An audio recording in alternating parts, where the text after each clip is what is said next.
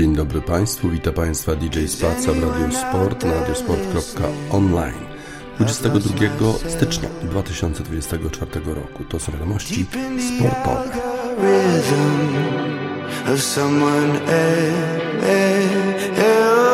And under new conditions, I might find that I was always perfectly alone. Can somebody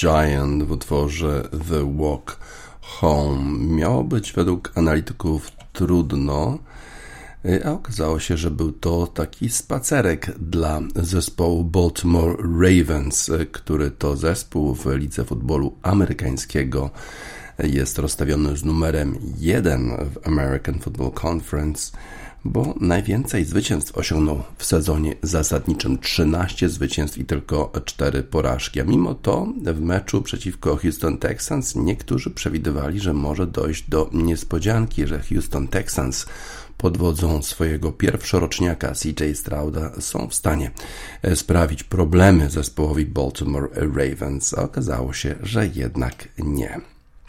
Najpierw jeszcze w pierwszej połowie Baltimore Ravens musieli bardzo, bardzo walczyć z Houston Texans.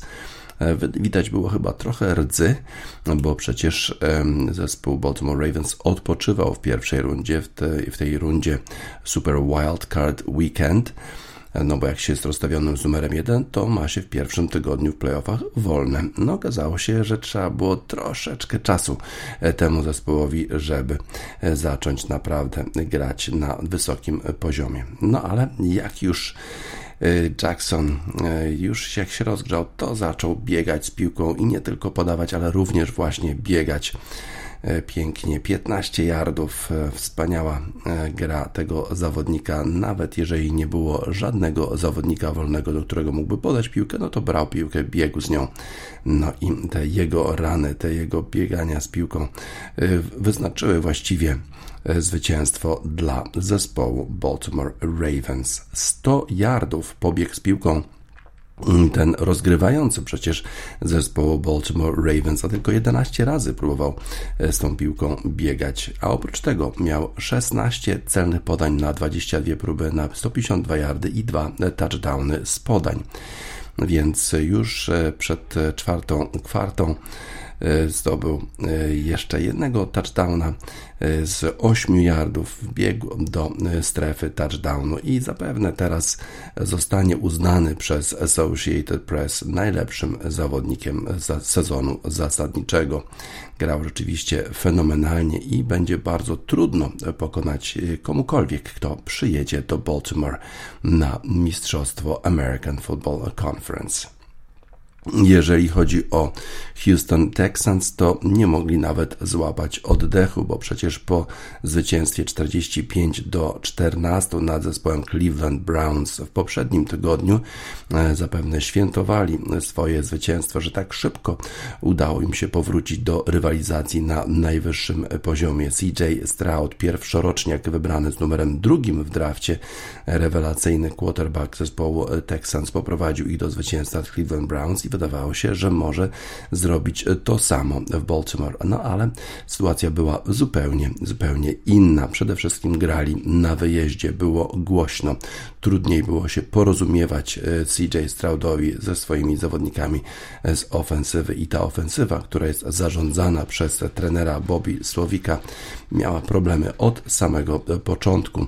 E, brakowało gry po ziemi zawodnikom Houston Texans, tylko 38 yardów. Cały zespół przebiegł z piłką, to jest bardzo, bardzo mało. Wszystko Zależało więc od młodego quarterbacka, jak on będzie podawał. No i w sumie całkiem nieźle się spisywał pod tą presją. 19 razy celnie podawał na 33 próby, 175 yardów, ale wszystko było bardzo, bardzo dla niego e, trudne. Houston nawet nie udało im się osiągnąć strefy touchdownu, jeżeli chodzi o ofensywę, a w momencie, gdy Baltimore Ravens prowadzi już 14 punktami w czwartej kwarcie, wiadomo było, że będzie będzie to bardzo, bardzo trudne, żeby Houston Texans jeszcze w tym momencie mógł wrócić do rywalizacji, bo defensywa zespołu Baltimore, y, która y, jest rewelacyjna w kreowaniu presji na quarterbacka, po prostu dominowała y, cały czas. No i zespół Texans naprawdę nie miał szans na wygranie tego spotkania. Z kolei gra po ziemi zespołu Baltimore była przyczyną, dla której e, ten zespół wygrał tak wyraźnie. I to nie tylko e, Jackson, Lamar Jackson rozgrywający, który biegał z piłką, ale również inni zawodnicy na pozycjach running backa grali świetnie. Justice Hill i Gus Edwards e, razem mieli 106 yardów na 23 próby. Nawet weteran Dalvin Cook, który został przywołany z rezerwowego zespołu, wszedł do akcji. No i miał jeszcze 8 prób 23 yardy dla swojego zespołu. Jeszcze gdy na boisku był zawodnik Houston Texans na pozycji linebackera Christian Harris, to wtedy jeszcze nie było tak łatwo im biegać z piłką, ale jak tylko okazało się, że doznał kontuzji, nie mogło go być na boisku, zauważyli to zawodnicy Baltimore i biegali z piłką jeszcze częściej. Robił to Lamar Jackson, robił to Justice Hill, robił to Gus Edwards, no i jeszcze Dalvin Cook po prostu zmusili ich do poddania się tą grą e, po ziemi. A jeżeli chodzi o Houston, no ich e, wspaniały taki run e, posezonowy dobiega końca. Można powiedzieć, że zabrakło im już sił, ale tak naprawdę i tak ten zespół osiągnął dużo, dużo więcej niż spodziewano się w Houston w pierwszym sezonie CJ Strauda. E, na pewno defensywa Mike'a McDonalda miała tutaj swój udział w tej porażce zespołu Houston Texans, ale i tak e, zespół Houston i jego fani mogą być dumni z tego, co udało się osiągnąć e, w tym zespole w tym roku, bo przyszłość należy zapewne do nich. Bardzo dobra postawa CJ Strouda, nawet pod presją. Trzeba oczywiście kilka rzeczy zmienić, trzeba jeszcze wprowadzić grę po ziemi, ale Bobby Slowik, czyli ten koordynator ofensywy. E, to jest bardzo, bardzo dobry trener. Ciekawe, czy zostanie jeszcze w Houston, bo e, w tej chwili kilka zespołów e, jakoś tak zazdrością patrzy na tego trenera. Chcieliby go mieć może na pozycji głównego trenera. Przecież kilka miejsc jest w lidze w tej chwili wolnych. Baltimore tym zwycięstwem w sobotę wysłali sygnał do reszty całej ligi NFL, że będzie trudno ich pokonać w jakiejkolwiek sytuacji, w szczególności przyjeżdżając do Baltimore.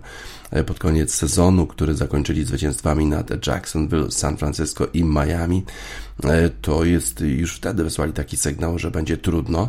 No i wtedy też wysłali sygnał, że chcą, aby Lamar Jackson został tym MVP, najlepszym zawodnikiem ligi. Dwa tygodnie przerwy trochę spowolniły Baltimore na początku, no ale jednak potem ta maszyneria zaczęła funkcjonować znowu bardzo dobrze. No i Jackson Jackson poprowadził swój zespół do zwycięstwa. A CJ Stroud po drugiej stronie z Houston Texans aż ponad 50% razy był pod presją defensywy zespołu Baltimore Ravens i to jest największa presja, którą kiedykolwiek spotkał w swojej karierze. A Baltimore, defensywa tego zespołu, nie dopuściła ofensywy Houston do swojej strefy touchdownu. I to się stało w ich dwóch spotkaniach w tym sezonie. Niesamowita forma defensywy również zespołu Baltimore Ravens. Rzeczywiście był ogień w Baltimore, nic nie byli w stanie na to poradzić zawodnicy Houston Texans. Yeah, yeah, yes, burning o tym ogniu właśnie.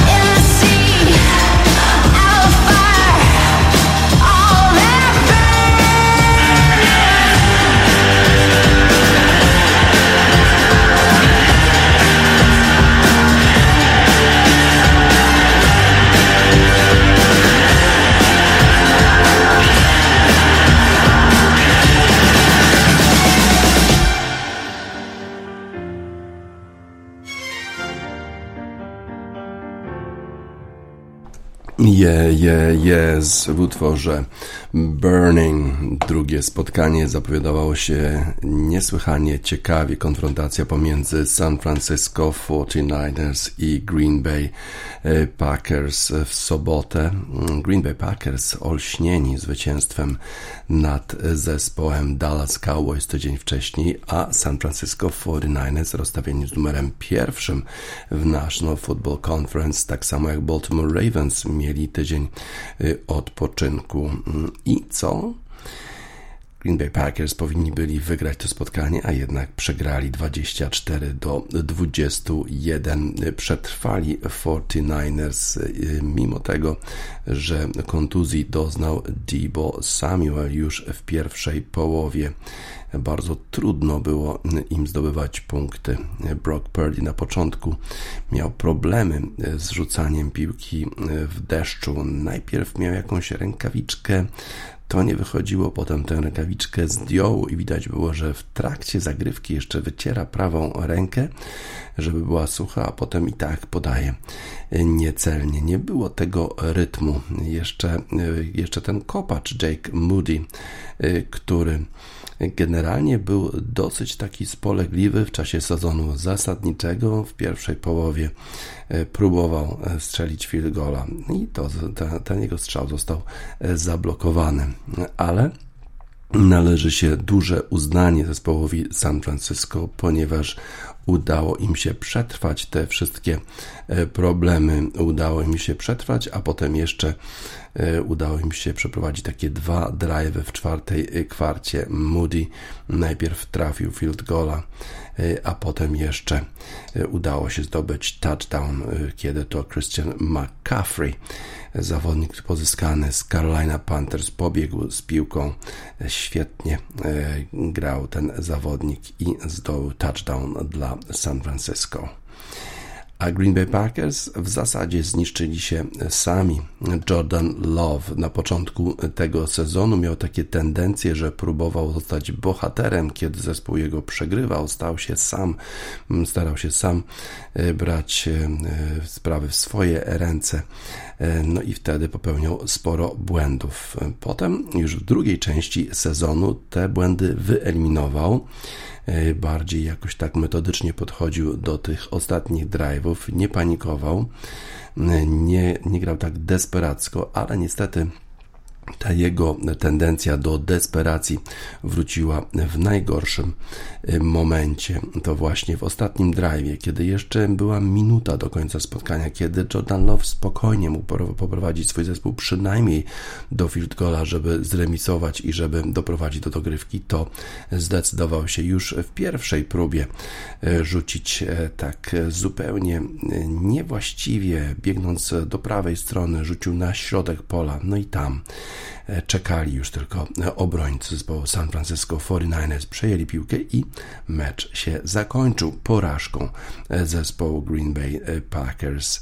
No przecież wcześniej Jordan Love grał całkiem dobrze w tym spotkaniu i wydawało się, że zrobił wystarczająco dużo, żeby Packers wygrali to spotkanie. Jeszcze inny problem y, był y, takim, który doprowadził do porażki zespołu y, Packers. Anders Carlson to jest kopacz zespołu Green Bay Packers w takim ostatnim drive, czy może przedostatnim drive zespołu Packers 29 yardów miał tylko, żeby trafić pomiędzy tyczki, żeby dać przewagę jednego touchdownu zespołowi Green Bay Packers i nie trafił. Nie trafił w najgorszym momencie. Wcześniej trafiał, a teraz nie trafił. I gdyby trafił, to Packers mieliby prowadzenie 24 do 17, mieliby przewagę jednego touchdownu i nawet jeżeli San Francisco zdobyliby ten touchdown przez to bieganie Christiana McCaffreya, to tylko wyrównaliby stan rywalizacji, a tak ten touchdown doprowadził do zwycięstwa zespołu San Francisco 49ers. Defensywa zespołu San Francisco zaczęła spotkanie bardzo słabo. Green Bay Packers grali dobrze, Jordan Love podawał celnie, pięknie biegał z piłką Aaron Jones, no i nawet Nawet e, Bo Melton e, grał e, świetnie, był zupełnie otwarty. Defensywa San Francisco 49ers nie była w stanie go upilnować, ale już w drugiej połowie defensywa San Francisco 49ers podniosła się. Podniosła się, zaczęła grać zupełnie inaczej i już zatrzymywała zespół Green Bay Packers na swojej połowie albo nie dawała im zdobywać touchdownu, nie dawała zespołowi Green Bay Packers odjechać na niebezpieczną odległość. Trzymała ich na tyle, na dystansie, że wystarczył właśnie ten touchdown Christiana McAfreya, żeby wygrać spotkanie. Ciekawe, czy taka defensywa wystarczy, żeby wygrać w meczu o mistrzostwo National Football Conference. Być może zespół, który przyjedzie, będzie nieco lepszy od zespołu Green Bay Packers. San Francisco 49ers y, mieli taką y, historyczną sytuację, która polegała na tym, że y, jeżeli przegrywali wchodząc do czwartej kwarty pięcioma punktami, to nigdy jeszcze nie wygrali 31 porażek. Tym razem, e, to, i tu mówimy tutaj o, e, o wszystkich meczach pod wodzą Kyla Shanahana, ale udało im się e, pewnie jakimiś egzorcyzmami tę bardzo, bardzo złą statystykę odwrócić po raz pierwszy. Właśnie od tych 31 spotkań udało się jednak wygrać, mimo że na początku czwartej kwarty przegrali, przegrywali więc większą ilością punktów niż 5.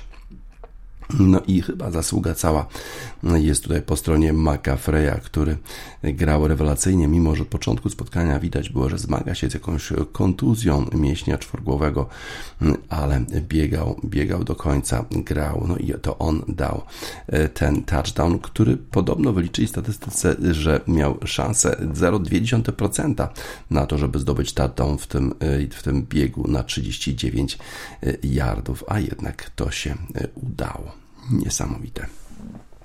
I to zespół San Francisco 49ers, występujący w strojach czerwono-złotych, awansowali do finału National Football Conference i więcej będą też gospodarzami tego finału. Sigur Ros, Gold, Złoto.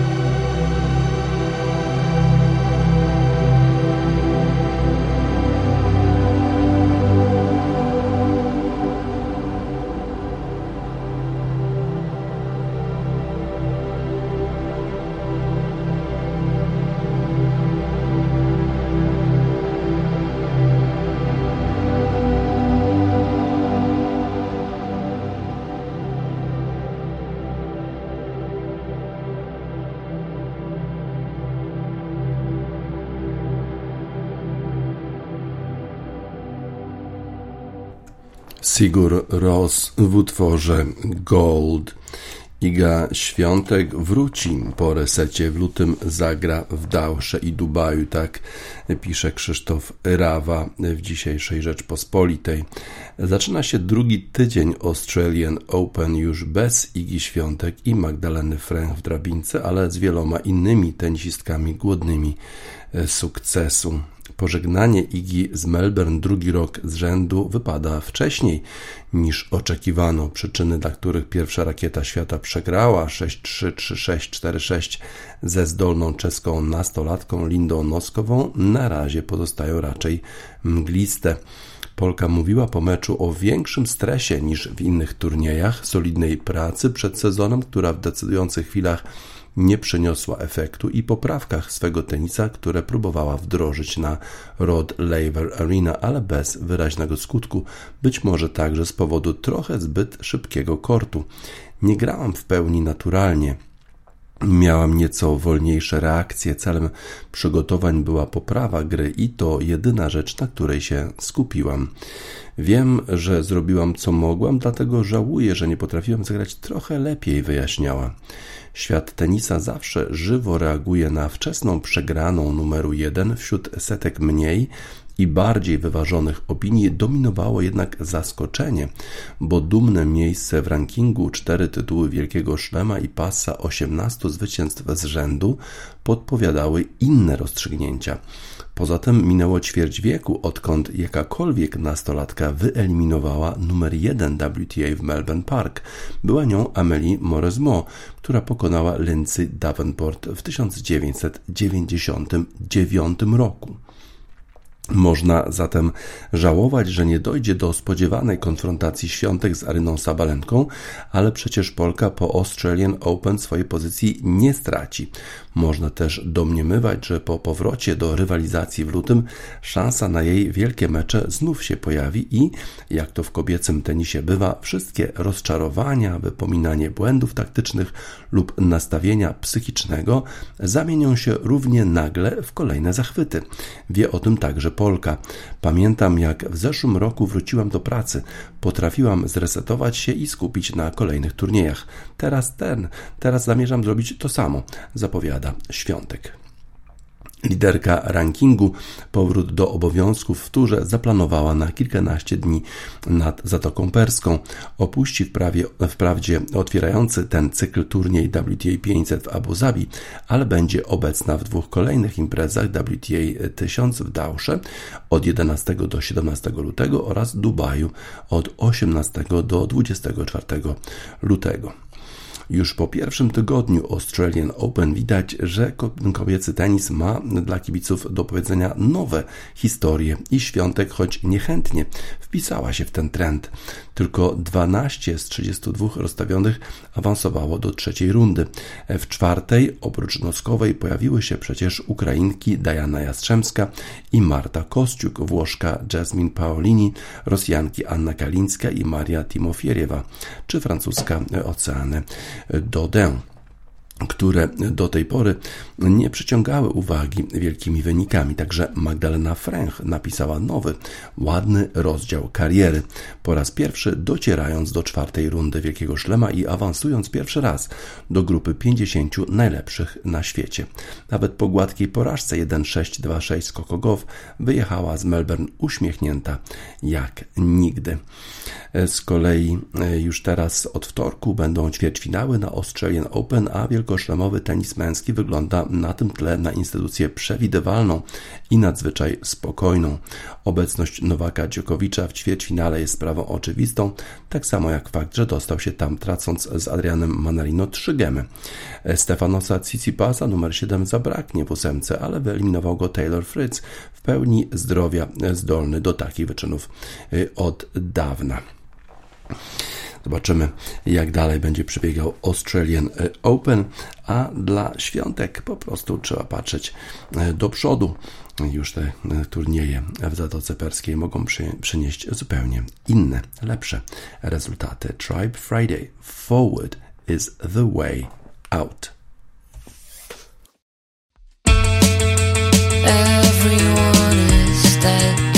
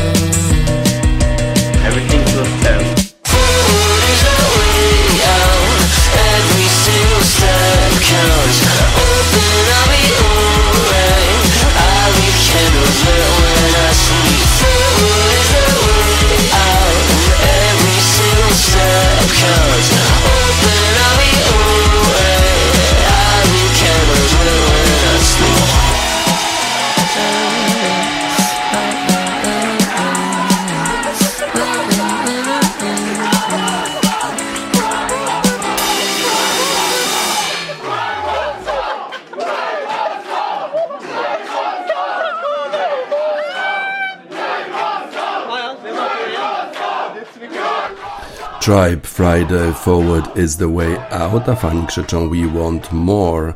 No i rzeczywiście my również chcemy trochę więcej od Igi Świątek, jeżeli chodzi o jej zwycięstwa, może już w Zatoce Perskiej. Ewan Murray y, to jest y, reporter, dziennikarz y, Guardiana, golfowy dziennikarz Guardiana, donosi z Dubaju, że Rory McIlroy już myśli o turnieju Masters po tym, jak wygrał Dubai Desert Classic w ten weekend. Rory McIlroy już przechodzi do historii i może przejść do historii, jeżeli na przykład wygra turniej Masters, bo tylko 82 dni dzielą e, nas od rozpoczęcia e, turnieju na e, Augusta National. Bardzo dobrze wystartował w tym roku do turniejów Rory McIlroy i od razu wszyscy się zastanawiają, czy to oznacza, że w końcu wygra turniej Masters i będzie jednym tylko chyba z ilu? Z sześciu zawodników, którym się udało zdobyć wielkiego szlama, czyli wygrać wszystkie wielkoszlemowe turnieje. Brakuje mu właśnie tego turnieju Masters. A po 36 dołkach tego turnieju Dubai Desert Classic wyglądało, że w ogóle nie ma szans na zwycięstwo. Miał 10 uderzeń straty do liderów wtedy. Augusta jest jeszcze daleko, jeżeli chodzi o golfa, to dużo, dużo może się zmienić w ciągu dwóch i pół miesiąca, ale oczywiście zawsze fajnie jest wygrać turniej, zawsze jest dobrze wiedzieć, że grasz dobrze, że jesteś w stanie się podnieść w zeszłym roku w Augusta dużo się o sobie dowiedziałem. Mówiłem tę historię, opowiadałem często, że wychodziłem na pierwszy green w piątek, a już przegrywałem, już traciłem 10 uderzeń do, do liderów w tym momencie. A teraz tutaj byłem 10 uderzeń, miałem 10 uderzeń straty po dwóch dniach, a i tak udało mi się ten turniej wygrać. No więc teraz jeszcze się więcej nauczyłem o sobie. Jest to naprawdę duża sprawa dla mnie. Ostatniego dnia bardzo musiał walczyć McIlroy, żeby wygrać ten turniej, chociaż zaczął rewelacyjnie. Grał w ostatniej grupie razem z Cameronem Youngiem i już dopadł go po czterech dołkach. Birdie na dołku ósmym, na dziewiątym i prowadził już czterema uderzeniami po dwunastu dołkach. No ale potem jednak zaczął grać słabiej złego drive'a miał na 13 dołku i wtedy zrobił bogeja, a kto walczył z nim o zwycięstwo? Nasz Adrian Merong. Adrian zrobił birdie na 13 dołku, na 14 dołku i tracił już tylko jedno uderzenie do Rorego McIlroya, ale niestety na 16 dołku zrobił bogeja. Zakończył ten turniej birdie i w związku z tym naprawdę musiał się jeszcze starać McIlroy, żeby ten turniej wygrać. Udało mu się zrobić para na 72 dołku i wygrał ten turniej, ale tylko o jedno uderzenie przed naszym Adrianem Meronkiem, który, któremu wyraźnie chyba posłużyło to, że został wybrany najlepszym golfistą roku przez swoich kolegów w DP World European Tour. Dało mu to wyraźnie dużo pewności siebie. Zająć drugie miejsce w turnieju Rolex Series to jest niesamowita sprawa. Walczyć do końca z Rorym McIlroyem bezcenne. Mam wielu ludzi wokół siebie, e, którzy e, wywierają na mnie presję, mówił po tym turnieju Rory McIlroy. E, wiem, że to jest bardzo, bardzo istotne, że, że mój trener Michael Bannon po prostu cały czas nad czymś dla mnie pracuje. Czasami też dostaję jakiegoś SMS-a od mojego Kadiego w ciągu tygodnia, żebym nad czymś popracował. Potem jeszcze od mojego trenera, który mnie uczy patowania, Brada Faxona, który jest tam na Florydzie i coś mi tam ciągle e, sugeruje, więc czuję presję. Nie chcę ich zawieść. Oni naprawdę dają z siebie 100%, e, żeby, e, żeby mnie przygotować do tych turniejów. Ja nie mogę ich zawieść. Za te swoje starania Rory McIlroy zarobił 1 400 tysięcy euro. Nasz Adrian Merong za drugie miejsce zarobił 900 tysięcy euro. Niesamowite. E, Adrian Merong wiemy, że wystartuje w turnieju Masters, bo był w 50 najlepszych golfistów świata na koniec roku, w związku z tym tam wystartuje. W zeszłym roku Adrian Merong spisywał się całkiem nieźle, ale na kilku dołkach jakoś chyba nie wytrzymał psychicznie albo był po prostu zbyt agresywny. Teraz już będzie drugi raz tam startował i na pewno zagra dużo, dużo lepiej. Już tak się ustabilizował na tym najwyższym poziomie nasz Adrian Merong. Takie konkretne rezultaty przynosi już w tym roku nasz jedynak na tym golfowym światowym turze. The Neon Judgment Concrete.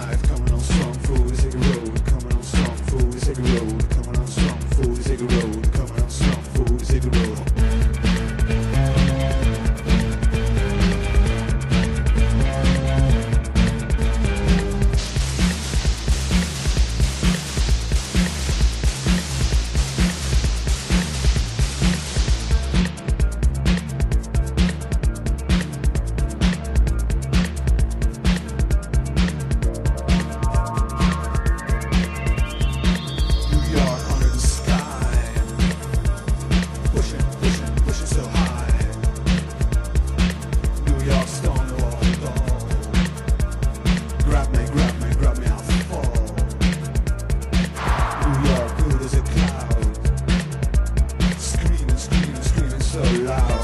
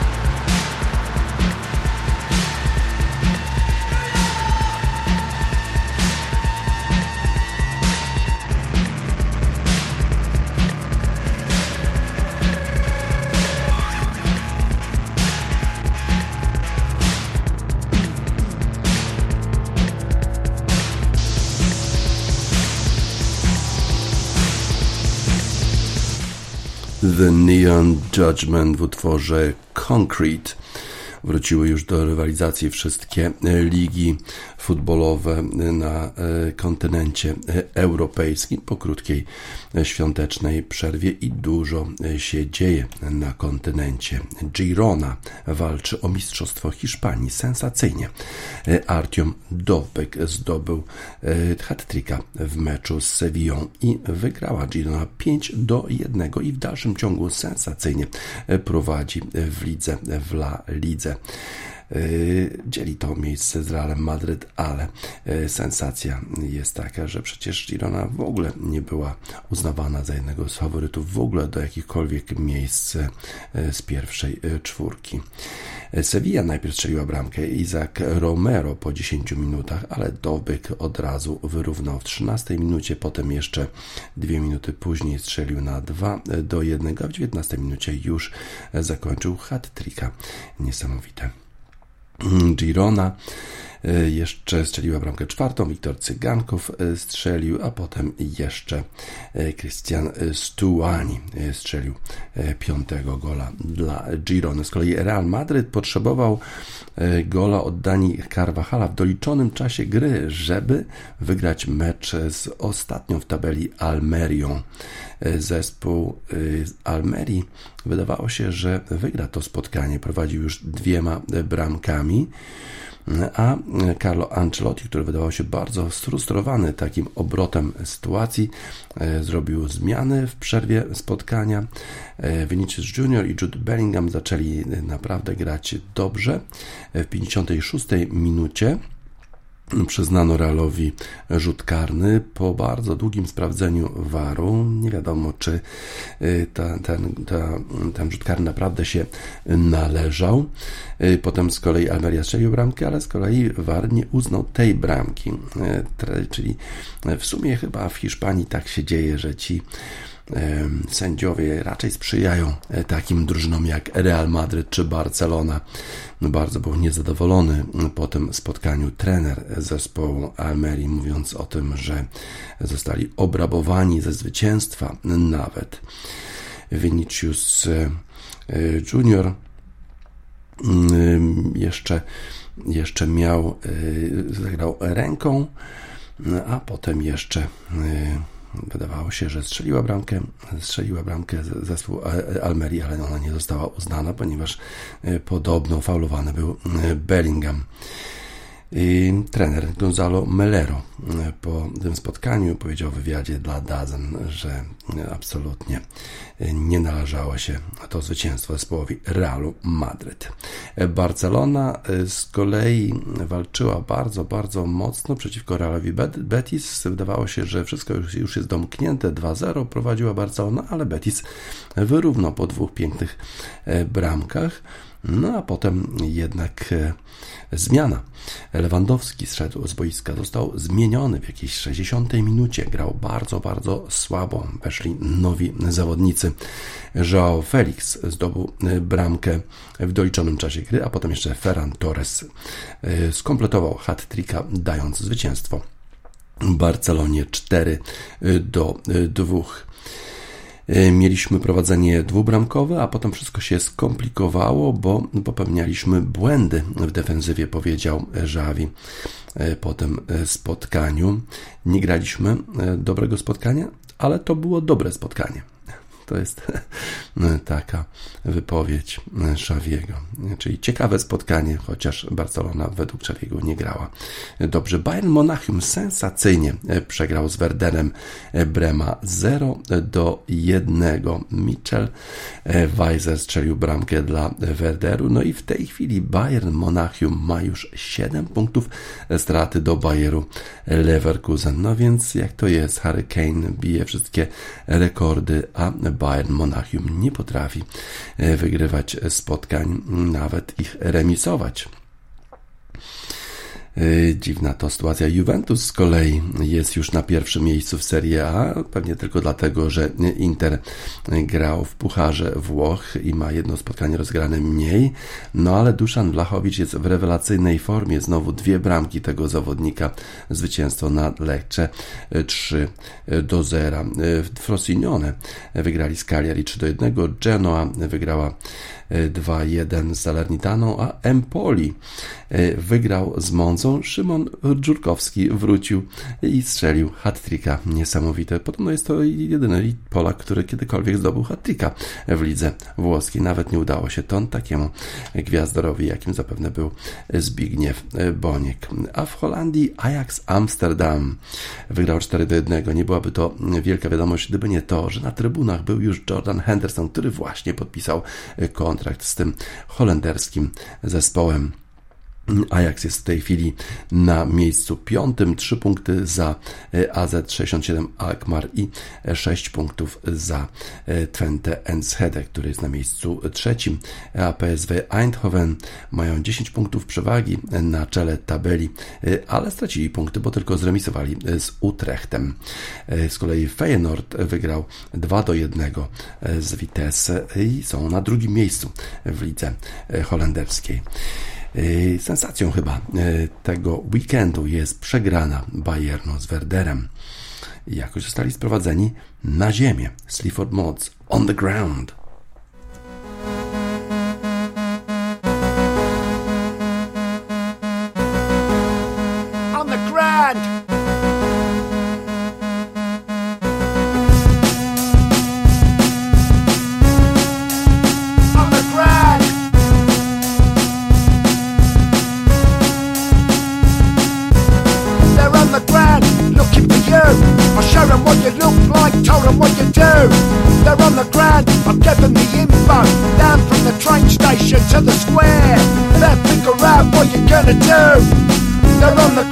they're gonna check you and figure out what you're gonna say. This ain't a game for everybody. I'm on the ground, what you want me to do? I sent a WhatsApp, did it go through? I see him there, he's the one you want to. I recognise his face from fucking Twitter. Then figure out what you're gonna do. They're on the ground Then they're gonna check you. Then figure out what you're gonna say. This ain't a game for everybody.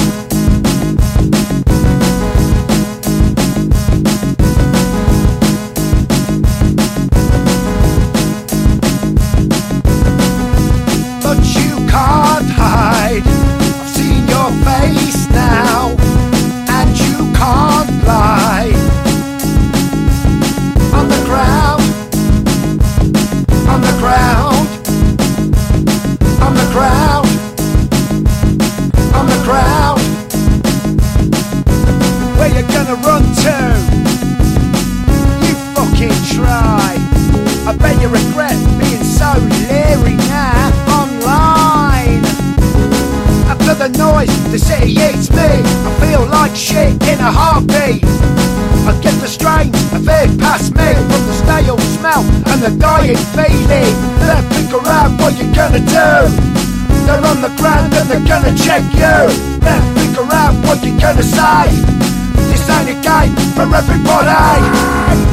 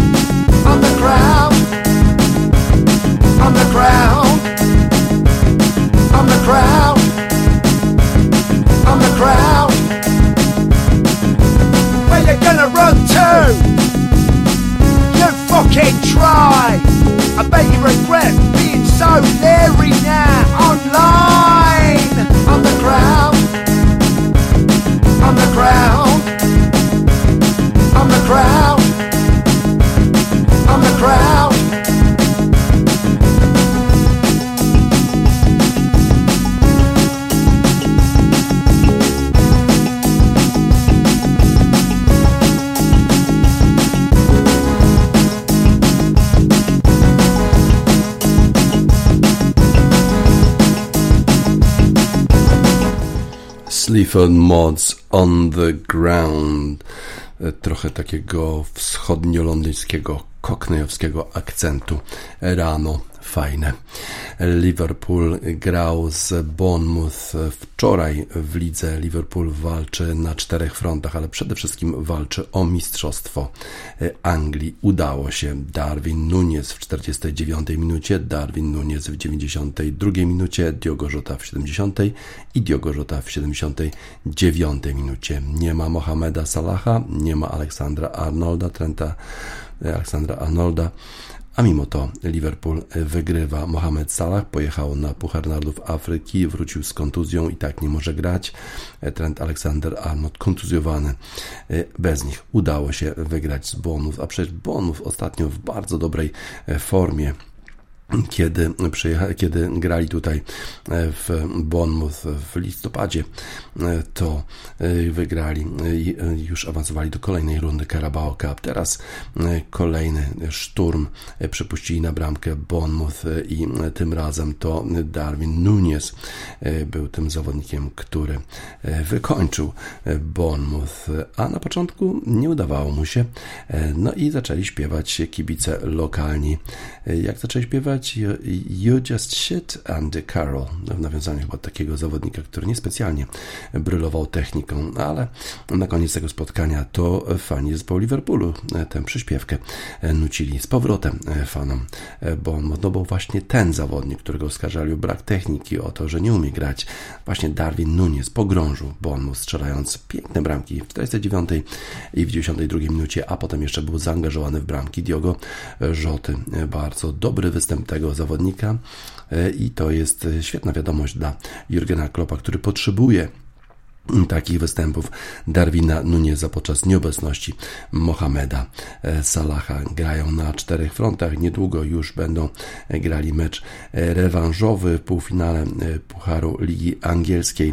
Dużo, dużo będzie się działo. Będą musieli chyba sięgać do jakichś głębokich rezerw zawodnicy Liverpoolu, żeby sobie poradzić, bo przecież grają już we środę z Fulham 2 do 1 w pierwszym spotkaniu było, a teraz w rewanżu muszą przynajmniej zremisować, żeby awansować już do finału Pucharu Ligi Angielskiej. Najważniejsze jest jednak dla nich to, żeby wygrać ligę.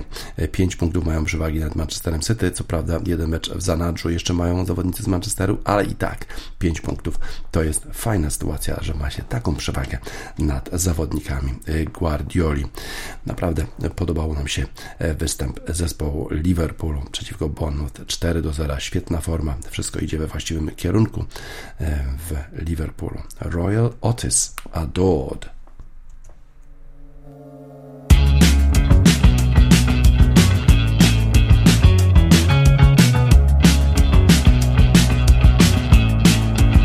Royal Otis Adored. To już na skończenie wiadomości sportowych w Radiosport na radiosport.online 22 stycznia 2024 roku. DJ Spaca żegna Państwa.